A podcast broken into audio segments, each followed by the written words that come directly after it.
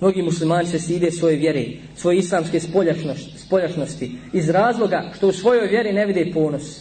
Što u svojoj vjeri ne vide ponos. S druge strane, naći ćemo kršćane, koji znamo da su na krivom putu, ali naći ćemo i da se pridržavaju svoje vjere i ne stide se nigdje. Nigdje, pa gdje god živjeli, gdje god bili, ne stide se obilježa svoje vjere. Iako su, jeli, iako njihova vjera skrnavljena. Međutim, muslimani, iako znaju da su na istini, da je Kur'an jedina objava, jedina knjiga koja je sačuvana, da je to istina, da je to hak od Allaha, stide se svoje vjere. I nažalost, ne samo da se stide kad odu na zapad ili kad odu u neku nevjeničku ili nemuslimansku zemlju, stide se i među, u, u, jeli, u, svom, u svom komšiluku, stide se u svojoj zemlji, u muslimanskoj sredini, da kažu da su muslimani i da pokažu svoje islamska obilježja. To, to su jeli, rezultati tog duhovnog ili duševnog poraza koji muslimane osjećaju. Namećemo primjer jedan. Često kada eh, oni koji putuju avionom znaju kako ovaj stewardese nude razno razna pića i tako dalje i tako dalje.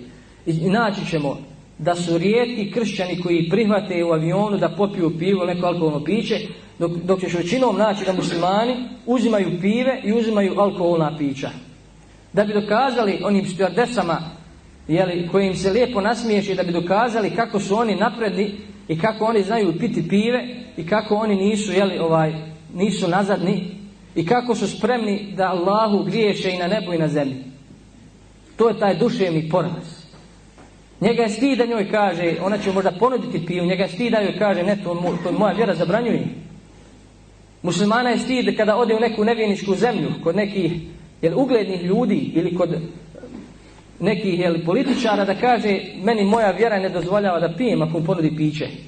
To je taj duševni poraz kod muslimana. Isto tako ćemo naći da se mnogi stide svojih islamskih obilježja, islamske nošnje, ono što mu naređuje vjera.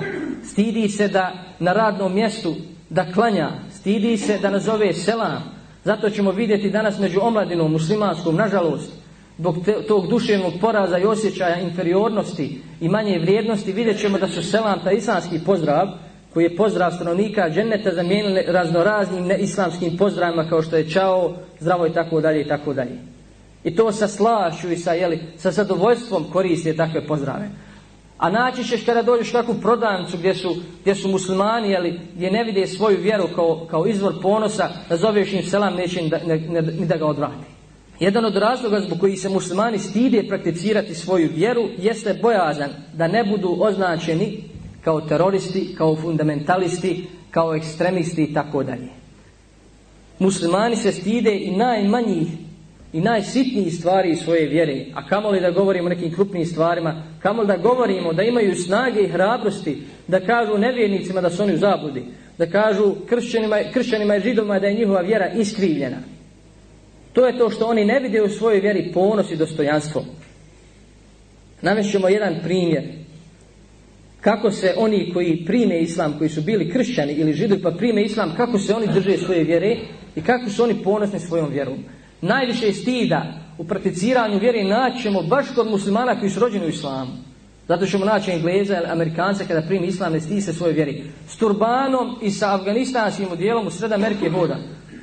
Sad malo teže, jele, ali peš hoda. I ne stidi se da nosi bradu, ne stidi se da kaže kad nastupi radno vrijeme da on treba da klanja. Navešu vam jedan primjer jednog engleskog državljanina koji je prihvatio islam s ponosom i dostojanstvom.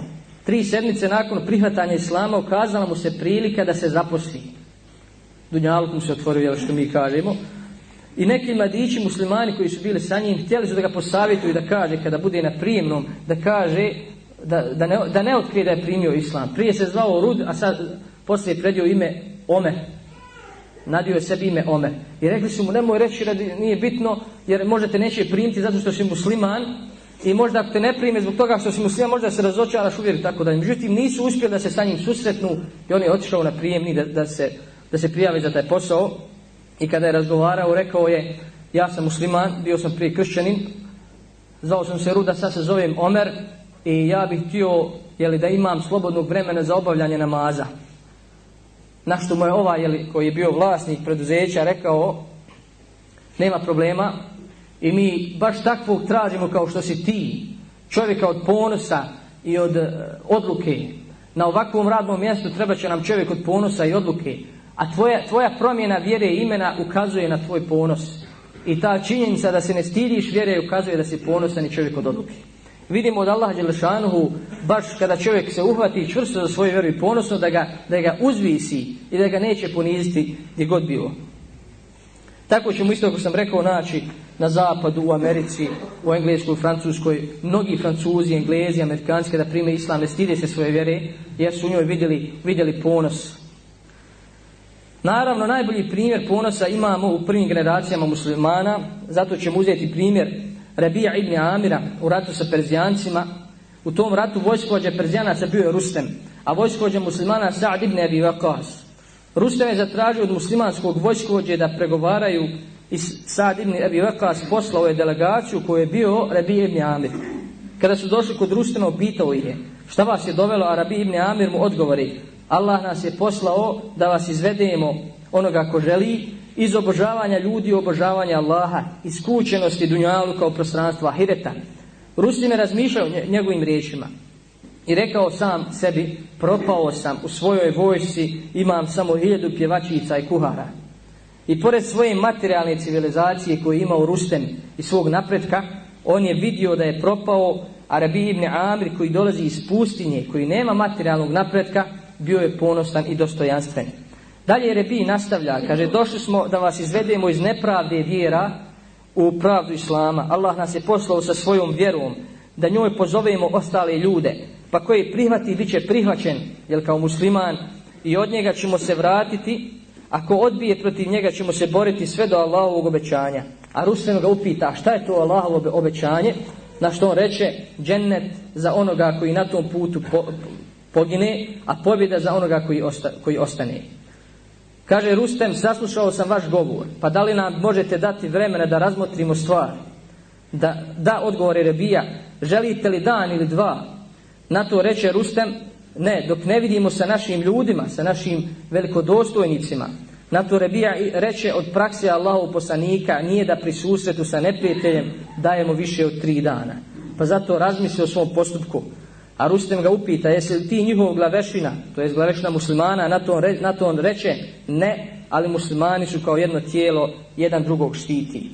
Iz ovog ponosa Rustem je vidio da ne može, da ne može izići na kraj sa ovakvim ljudima koji imaju takav ponos i takvo dostojanstvo. I pored toga što je Rustem bio u prljavoj poderanoj obući, ušao je dostojanstveno, što je Rebibni Amir bio u poderanoj i prljave običe ušao je dostojanstveno kod Rustema probadajući one kopljem one njegove eh, tepihe koje je prostro i uveo je u njegov dvorac i svoj jahalicu svog konja. To je, je li, pokazalo onaj ponos muslimana.